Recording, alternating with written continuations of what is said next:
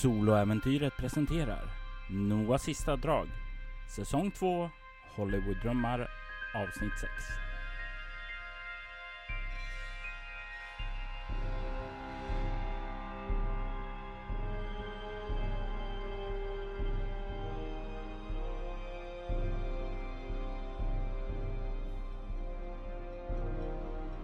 Greg sitter i bilen och kör bort ifrån sitt hem. Han har haft ett gräl med sin fru och tankarna far igenom hans huvud. Vad tänker Greg på? Alltså hon, hon tycker inte det är något konstigt ens. Det har så mycket mer att göra än om jämställdhet och att en kvinna ska få göra vad hon vill. Det, det handlar om en relation, att man ska kunna lita på varandra. Det är väl inte man jobbar på en BDSM-klubb är väl inte någonting som är man bara kan låta bli och ta upp i relationen. Ja. Jag förstår inte vad som har flugit i henne. Det, jag vet inte. Jag, jag, jag, måste... Jag måste få lite tid att fundera på det här. Va? Jag undrar om, om det är någon som sover i övernattningslägenheten ikväll. Ja, I värsta fall får jag väl sova i bilen men det kommer bli skönt att komma ut till kontoret där igen och känna mig mera som ett med naturen och ta en tidig löprunda med, med Dean. Det kommer, det kommer kännas bra, men jag vill nog gärna försöka sova lite grann i alla fall. Men hur kan komma till ro? Jag undrar, är det så att det, det är någon som sover där? Kanske Jordi, hon, hon, hon brukar ju jämt vara så sent på kontoret. Kanske hon alltid sover där i övernattningslägenheten. Jag kan inte bara klampa in där och, och tänk om det inte är någon som öppnar när man ringer på porten. Alltså, varför var det tvunget att bli så här, Florence? Kunde du inte bara tagit upp det, berättat någonting? Det kanske inte var någon bra idé att inte ta upp det.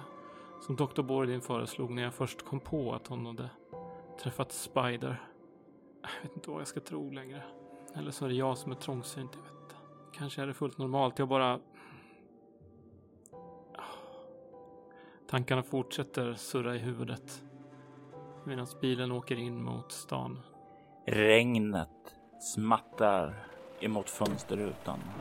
Vindrutetorkan glider fram och tillbaka i ett rytmiskt dunkande. Klockan är efter fyra. Dålig sömn, upprörda känslor och tårkanaler som har börjat vidgas ut och släppa fram de första tårdropparna där. Inget av det är passande för en bilchaufför. Jag vill att du slår ett ego plus fordon och du ska ge ett lätt slag. Jag får ett eh, marginellt lyckat. Du har kommit in i staden. Det är inte särskilt mycket trafik, så det är inte svårt att se. Efter ett par gatljus och sådant när du börjar köra in via stadens ytterkant och sedan för att komma ut norr så ser du att du verkar vara förföljd. I backspegeln så kan du se en risig blå Chevy Nova röra sig efter dig. Okej. Okay. Um, ehm, känner jag igen den här bilen? Nej, du har inte sett den förut. När jag kommer till ett ställe där det är en bit raksträcka så plockar jag fram mobiltelefonen och slår numret till Jordi på högtalaren i bilen. Och du ser när du börjar stanna vid ljuset och börjar fippla efter telefonen så hör du bakom dig hur bilisten i den risiga blå Chevy Noan börjar trycka i gasen för att ramma dig bakifrån. Oh shit, jag, jag trycker på gasen också. Du börjar köra där och ni kommer igång i ett eh, improviserat nattlopp på stadens övergivna gator.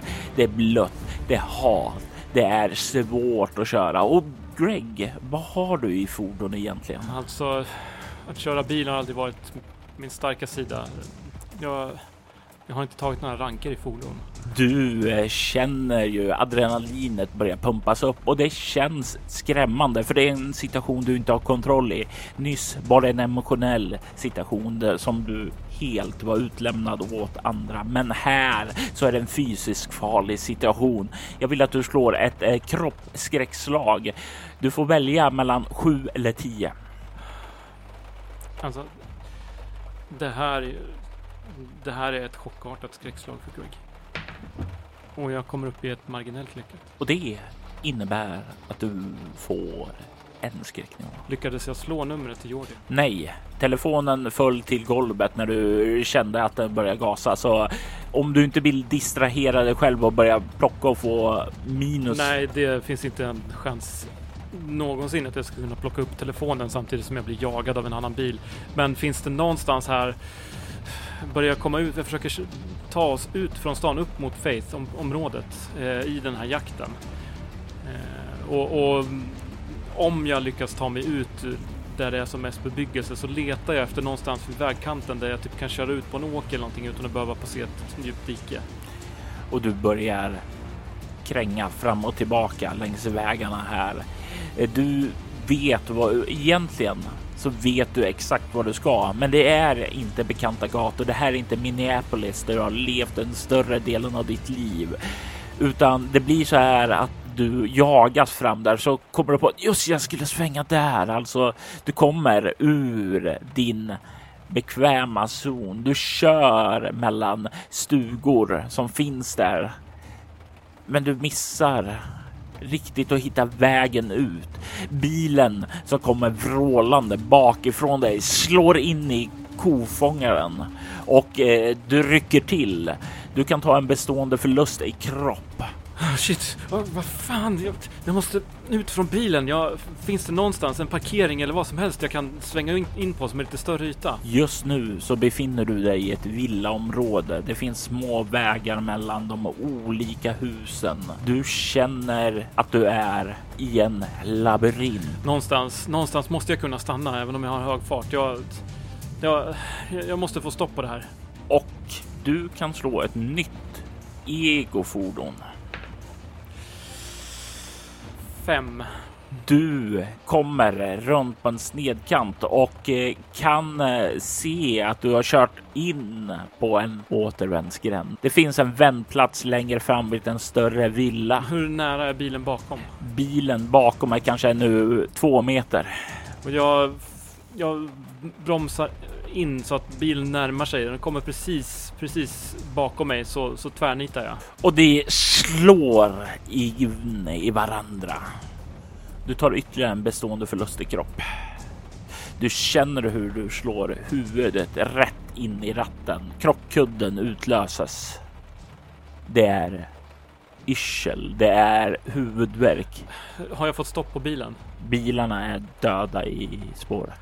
Jag försöker kravla mig över på passagerarsidan och, och öppna upp dörren och, och kasta mig ut. Du kommer ut, regnet faller ned över dig och du ser hur bakom dig hur bilen börjar starta upp igen. Men jag måste kunna springa bort från vägen härifrån. Du börjar rusa bort. Du kommer ut på en gård framför en eh, av villorna där du kan se en väg leder in mellan dem, härifrån. Så kan du se hur bilen bakom dig, i den, vem som har kört den. Du ser det leende ansiktet av Sergej Dimitrov som börjar backa undan bilen. Är han på väg efter mig? Stannar du för att ta reda på det? Nej, jag fortsätter springa. Du rusar bort där och du hör hur bilen börjar backa uppåt. Du kommer ut på en baksida och kan se en bassäng som står där. En pool. Du kan se längre bort det är fler granntomter. Jag, jag går och ställer mig så att jag har en bit av poolen mellan mig och den väg jag kom ifrån och drar mitt vapen. Runt omkring dig så hör du något liv ifrån det här huset du har rört dig omkring bakom. Du kan också höra en bil som börjar åka. Åka härifrån. Jag stoppar undan vapnet igen, hoppas att ingen har sett den. Okej, okej. Jag kollar om det är någon som är på väg ut här på baksidan av huset. Nej, Inte just nu, men du kan se att det på övervåningen av villan tänds en lampa. Jag smyger tillbaka från det håll jag kom. Försiktigt beredd att dra fram mitt vapen igen. När du kommer ut så ser du din bil. Du ser hur den är kvaddad där bak. Du kan se en stötfångare från Chevy Novan som förföljde dig ligga kvar som ett bevis på att det var verkligen en annan bil där. Kollar mig runt försiktigt, ser om jag ser Chevinovan någonstans lurpassandes. Regnet gör det svårt att se, men det verkar inte som det. Jag böjer mig på huk vid kofångaren. Finns nummerplåten här? Nej. Du kan se hur det bortifrån villan tänds en ytterbelysning. Jag går fram till eh, förarplatsen igen och öppnar upp dörren, kliver in, plockar fram telefonen, drar igen passagerardörren.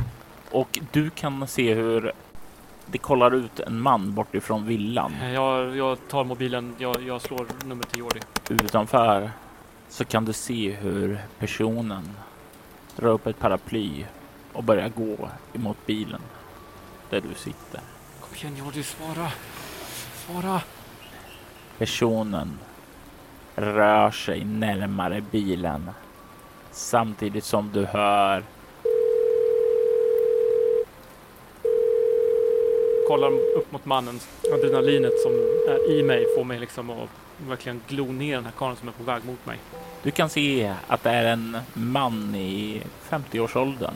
Ser ut som en, ja, man kan beskriva honom som en rätt trevlig, god farbror. Han har eh, ganska högt hårfäste, ett yvigt vitt skägg, eh, har en ganska stor näsa, potatisnäsa skulle man nästan kunna beskriva det som. Och han har svept morgonräcken omkring sig och kollar liksom, är lite oroligt på dig och bara Eh, hur är det med dig? Det är inte bra. Det var någon jävel som jagade efter mig och körde på mig. Nej, det... Eh, ringer du polisen? Ja, ja. Bra, bra. Eh, jag, jag, går in och hämtar förbandslådan här. Eh, Jag tror, inte- jag tror inte... Jag är bara lite, du vet, stel. du har en stort eh, jack i pannan vi måste se till över det. Annars... Okej, okej. Eh, ja, ja, tack, tack så mycket, tack så mycket. Och han börjar vandra in. Jag har fortfarande inget svar från Jordi. Nej. Jag lägger på, ringer taxi. Jag börjar samtidigt så försöker jag få ut från, från, från baksätet min, min väska jag har packat. Kolla vad det är för nummer på huset. Ja, du får eh, nummer på huset. Och jag skyn- skyndar bort, eh, liksom upp för gatan, bort härifrån. Samtidigt som jag ringer till taxibolaget. Så Greg är en smitare. Jag kan inte bara landa in polisen här. Det här är en Fate-angelägenhet. Jag måste ta upp det med Fate först. Du får tag i en taxi och de lovar att skicka en. Jag vill att du slår ett rutinmässigt slag med kropp obemärkt för att gömma dig ifrån gubben när han kommer ut. Just det. Jag är lite skadad också. Ehm, ja, jag, jag klarar det. Du kan från din position se hur farbrorn kommer ut. Ser lite förvirrat om efter dig och kan se sedan han plockar fram en mobiltelefon och verkar ringa någon. Polisen. Taxin är här om fem minuter. Okej, okej, okej. Jag står i valet och kvalet här om jag ska ringa till Andrew. Inte så här dags. Jag... Jag försöker hitta ett bättre gömställe. Det gör du. Farbrorn kommer inte hitta dig. Jag är mer oroad för polisen. Det är ett race mellan polisen och taxin igång. Vem kommer hinna dit först? Jag slår en tärning. Vilken som kommer först? Jämnt eller ojämnt? Vilken är taxin? Taxin är udda. Och det blir en fyra. Du kan höra polissirenerna. Och jag duckar ner djupare i mitt gömställe. Du ser hur de svänger upp på gatan. Hur mannen möter oss. Känner jag igen polisen? Slå en tärning. Är det en sexa så gör du det. Försöker hålla mig dold. Jag inser att taxin kommer att avslöja alltihopa. Jag ringer till Jordi igen.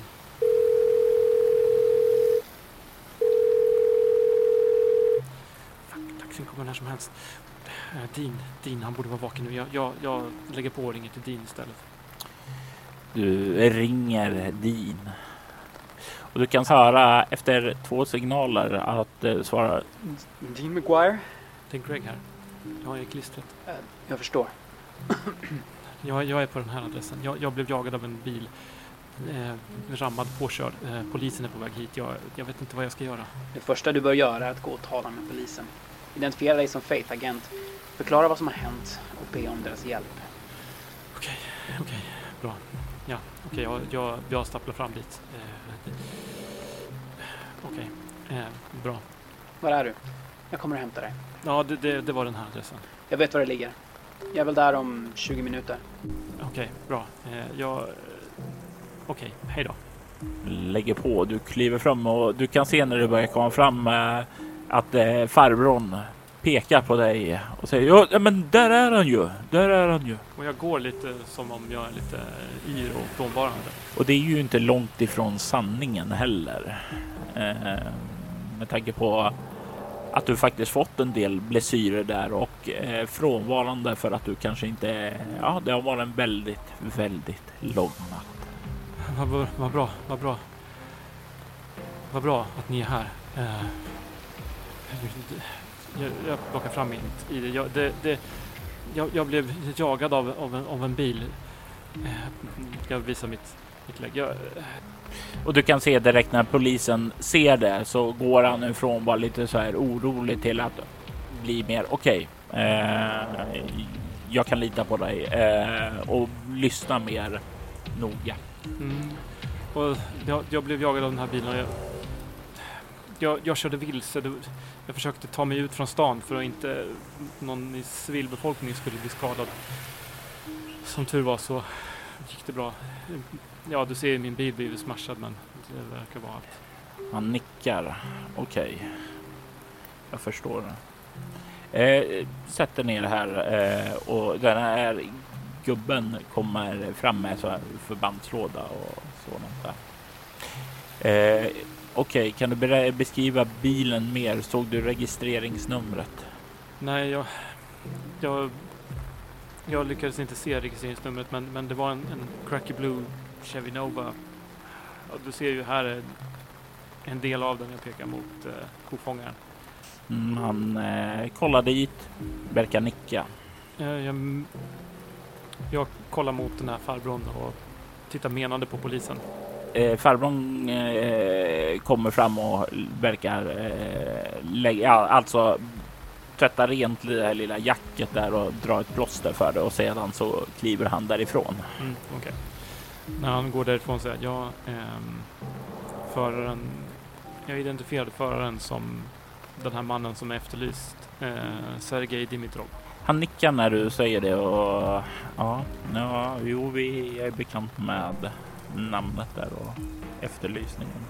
Ja, jag, jag lyckades få stopp på bilen och, och sprang härifrån och ja, han körde ju på mig smällhårt alltså när jag stannade men eh, ja, det var det enda jag kunde göra än att än fara in i den där och peka bort mot bilen med, med. Han eh, nickar uppskattande då eh, och säger eh, Har du någon eh, som kommer att hämta dig eller vill du ha skjuts någon? Min kollega eh, kommer alldeles strax. Jag pratade med honom för en liten stund sedan. Eh, ja, och han ställer sedan lite andra följdfrågor och sådant där och tar ditt vittnesmål. Och du ser den här brickan du visade upp. Det verkar definitivt vara, i alla fall här i Castle, någonting som ja, får poliserna vänligt inställda till dig. Jag lägger, ehm, jag lägger hans namn på minne också. Sergeant Jenkins. Du kan se Deans bil köra upp genom regnet och han gör en gest åt dig att komma. Och jag, jag kliver bort mot bilen och öppnar upp eh, passagerarsidan. Och han ser dig när du kliver in Och där. jag sätter mig där med, med min väska i knät och spänner fast bältet. Är du okej? Du ser inte skadad ut. Det verkar inte ha varit en alltför omfattande krasch. Nej. Alltså... Såklart att det är omskakande att bli, bli jagad och krockad med men det är tyvärr långt ifrån det värsta som har hänt ikväll så Ja, eller i natt. Eller något. Kan vi åka upp till Fate? Är det okej eller? Det är inga problem Greg. Skjutsar ut dig. Han kollar li- liksom eh, medan ni börjar komma ut ur stan. Liksom först på dig, sen lite menande på väskan och sen upp på dig igen. Jag, jag jobbar ju på det här fallet med Jan Stark. Ja, jag fick ett meddelande från Jordi om att jag skulle assistera dig imorgon på fallet. Ja, eh, det var ju faktiskt på grund av den här Sergej Dimitrov. Ja, jag såg honom på filminspelningsplatsen för eh, Exit from Eden. Han var tydligen den före detta stuntmannen som jobbade där innan Janus började som stuntman. Och eh, jag konfronterade honom och han talade med både sin egen fader Thomas Mitchell och Tobias Thompsons röst. Okej. Det här alltihopa verkar ha någonting med Legion att göra dessutom. The Boogeyman. The Boogeyman. Finns det många rykten om Legion? Så många skrönor om hur han hemsökt Faith genom åren. Allt från att han nästan förintade oss på 1600-talet till att han är ansvarig för varje gång eh, då en av våra agenter försvinner spårlöst. Du vet hur man brukar skrämma sina barn till tystnad med en boogeyman. Mhm. Mitt intryck var att Legion var en sådan boogeyman. Men du säger att du misstänker att han existerar på riktigt? Ja, Janus Starks kropp hade hans symbol inristad i sig. Hmm. Han var mycket våldsamt torterad till döds. Eller ja, torterad. Han verkar dött av att de bröt hans nacke. I alla fall, spåren ledde till eh, Eden, nattklubben. Okej. Tydligen så hade Janus besökt den tillsammans med eh, David Nix kvällen före hans försvinnande.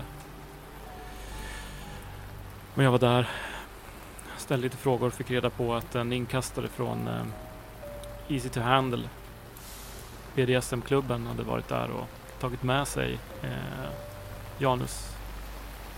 Så um, jag begav mig dit och Ja, det, jag vet inte hur jag ska säga det här men eh, min fru jobbar där. Och du kan se att han eh, nickar bara.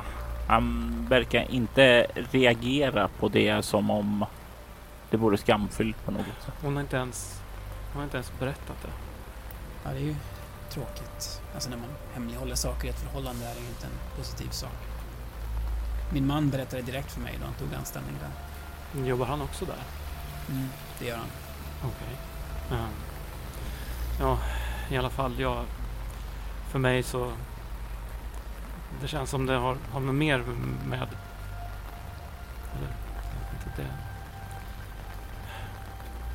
Att hon inte har tagit upp det. Det är ju ändå ganska laddad plats att jobba på.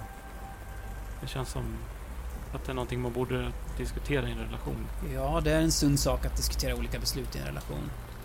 Särskilt om det berör ens partner. Jag antar att det här är första gången som hon inte berättar var hon jobbar. Så hon kanske skäms över det. skäms eller... Det var, jag konfronterade henne när hon kom hem. Hon, hon la allting på mig. Det var jag som var trångsynt och missundsam och allting. Jag vet inte. Jag...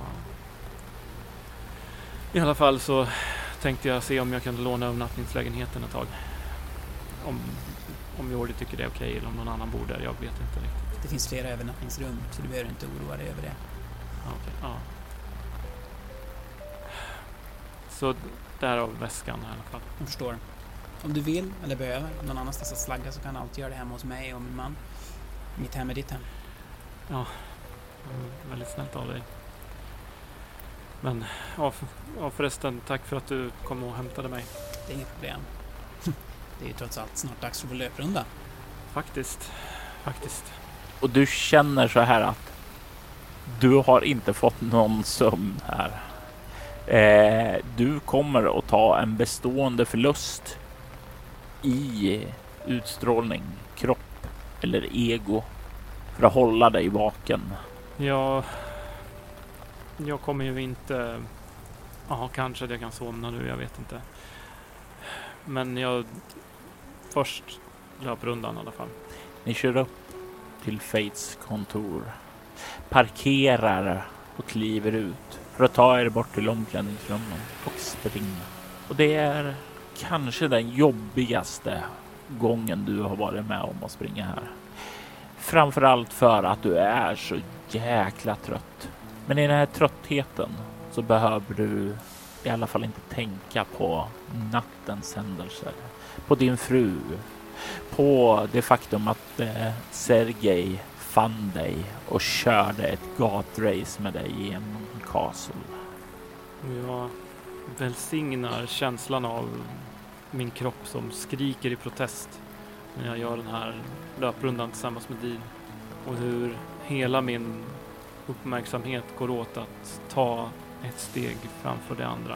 Och jag känner hur min kropp svalkas av av regnet lika snabbt som den blir varm av löpningen. Ni kommer tillbaka till omklädningsrummen, duschar och känner er mer fräscha. Eller det är i alla fall vad Dean gör. Du känner dig rätt så mör vid det här laget. Jag känner mig helt utmattad. Jag plockar upp några rena kläder ur min väska, kollar på Dean. Jag tror att jag behöver ha några timmar och jag går till en av lägenheterna, lägger min väska eh, in i sovrummet och ja, det är en stor möda att till och med lägga sig under täcket men jag, jag hamnar där och domnar bort. Du dras in i sömnens mörka ro.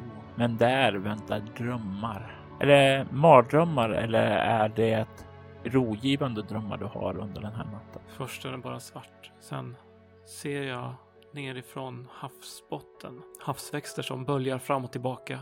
Jag känner att jag inte kan andas. Jag är under vattnet. Jag ser en brygga där uppe. Jag ser hur Florence och Rain står där. Jag ser hur de ropar efter någonting. Jag ser hur Florence tittar rakt på mig. Hon fortsätter ropa. Sen vänder hon sig om och börjar gå in mot land. Rain vill inte släppa hennes hand och hon står kvar där och, och ropar och ropar. Men till slut så går hon också iväg. Jag är kvar där på botten och jag känner hur det bränner i mina lungor. Till slut så kommer en isande känsla. Allting blir rött, svart.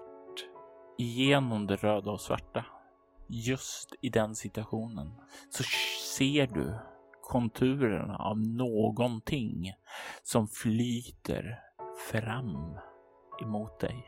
Du tycker dig se Vanessa, den rödhåriga assistenten som du såg uppe vid Tobias stuga. Hon glider mot dig med handen utsträckt mot dig. Hennes hud är blå, ungefär som den har legat i vattnet lång tid.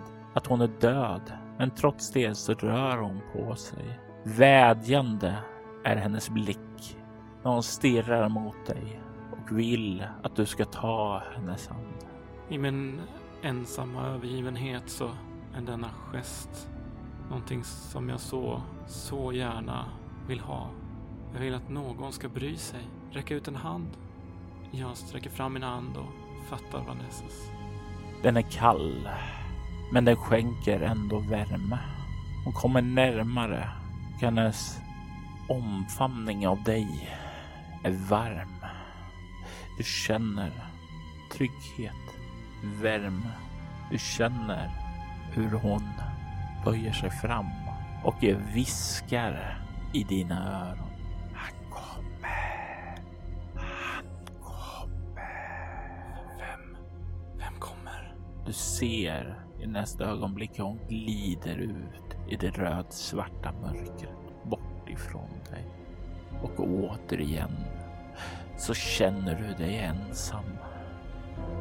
Och du vaknar upp i övernattningslokalen. Vem är det som kommer? Är det Legion eller är det den där gamla mannen? Eller är det samma? Jag vänder på mig lite grann i sängen. Det känns ändå obekant här. Att sova här. Jag kollar vad klockan är. 14.23. Jag kliver upp ur sängen. Går och klär på mig kläderna. Jag skickar ett mess till Dr. Borodin. Eh, jag var tvungen att sova lite. Har du tid idag? Du får tillbaka vid fyra så kan du komma till mitt kontor. Avgjort. Jaha, jag tittar mig runt här. Det här är en plats för sömn.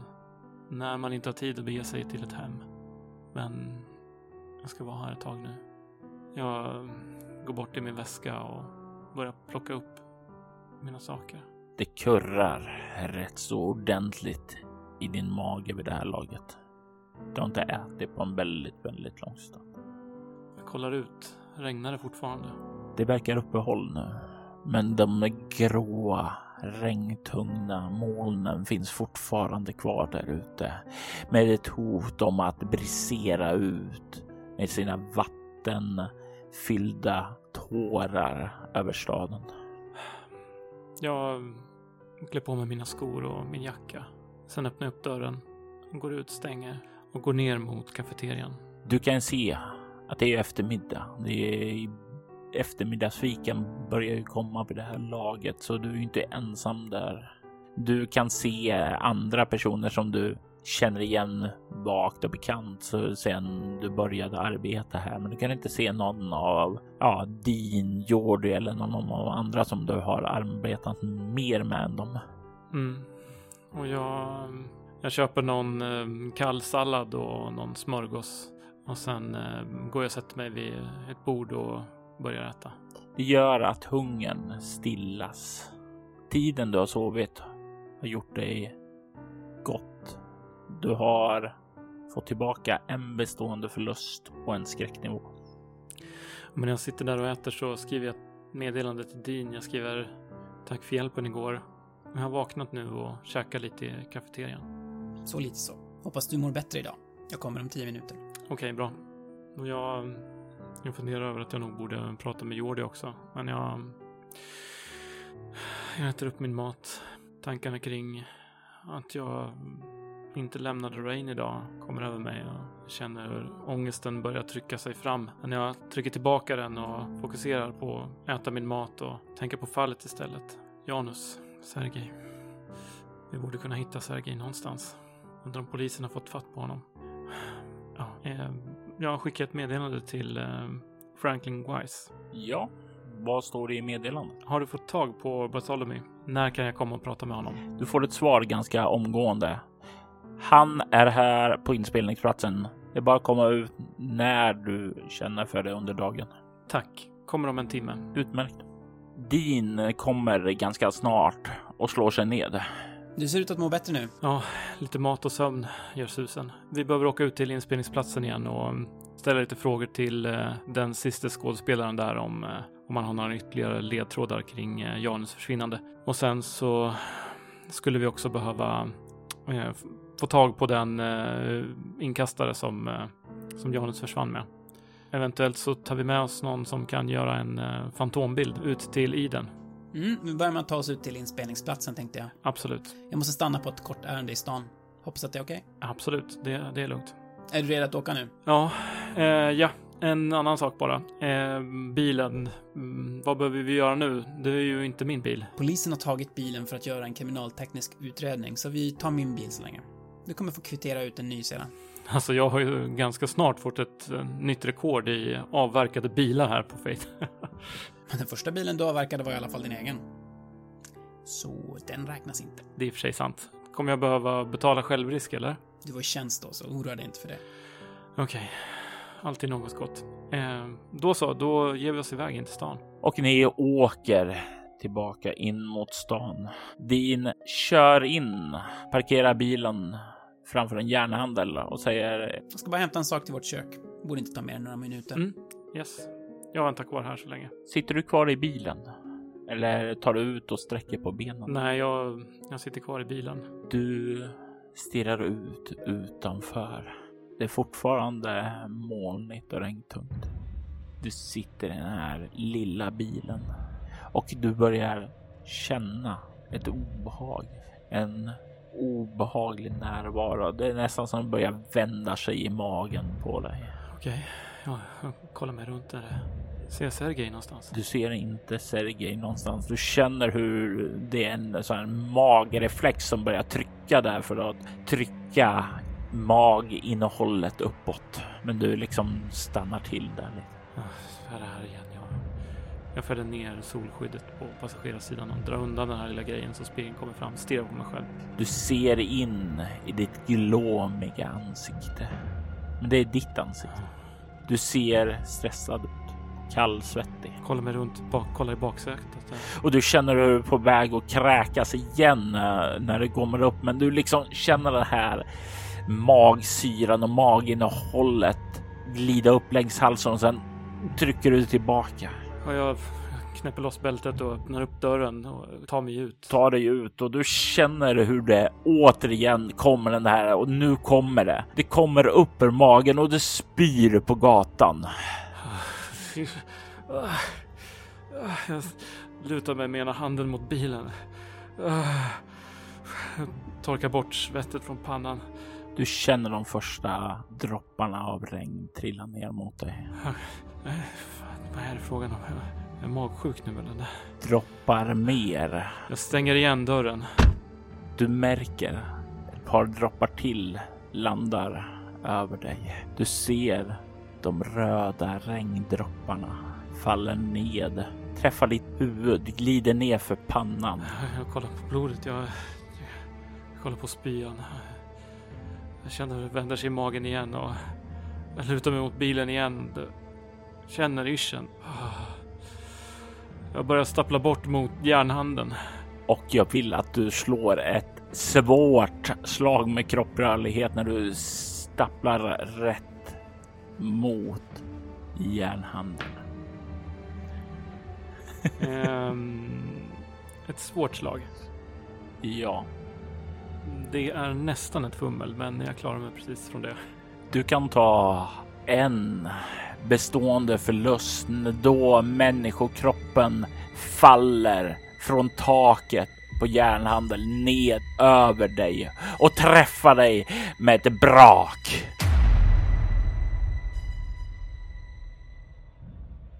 Noahs sista drag är en berättelse skriven, redigerad och spelad av Robert Jonsson till rollspelet Bortom som ges ut av Mylingspel. I detta avsnitt hör vi Gustav Rutgård som Agent Greg Barton och Mattias Fredriksson som Dean McGuire. Temamusiken till Noahs sista drag gjordes av Per Holmström. Övrig musik gjordes av Adrian von Ziegler, Kristoffer Mo Ditlevsen, Gavin Luke, Hampus Neselius, Magnus Erlandsson, Skrya samt copyrightfri musik. Soläventyret är en actual play podcast där vi spelar rollspelen Bortom och Leviathan. Ni kan komma i kontakt med oss via mail på info.bortom.nu. Det går även att följa oss på Instagram och Twitter som @spelabortom, på Facebook samt på bortom.nu. Känn er även fri att spana in vår spin-off-podd Altor Schwider där vi spelar det klassiska rollspelet Drakar och Demoner i världen Altor. Ni är välkomna att lämna recensioner om podden på både Facebook och era poddappar. Det uppskattas djupt av oss och kan leda till extra belöningar för er. Mitt namn är Robert Jonsson. Tack för att ni har lyssnat. Vi vill ta tillfället i akt att tacka, hylla och hedra våra Patreon-backare. Daniel Pettersson, Morgan Kullberg, Daniel Lans och Ty Nilsson. Ert stöd är djupt uppskattat. Tack!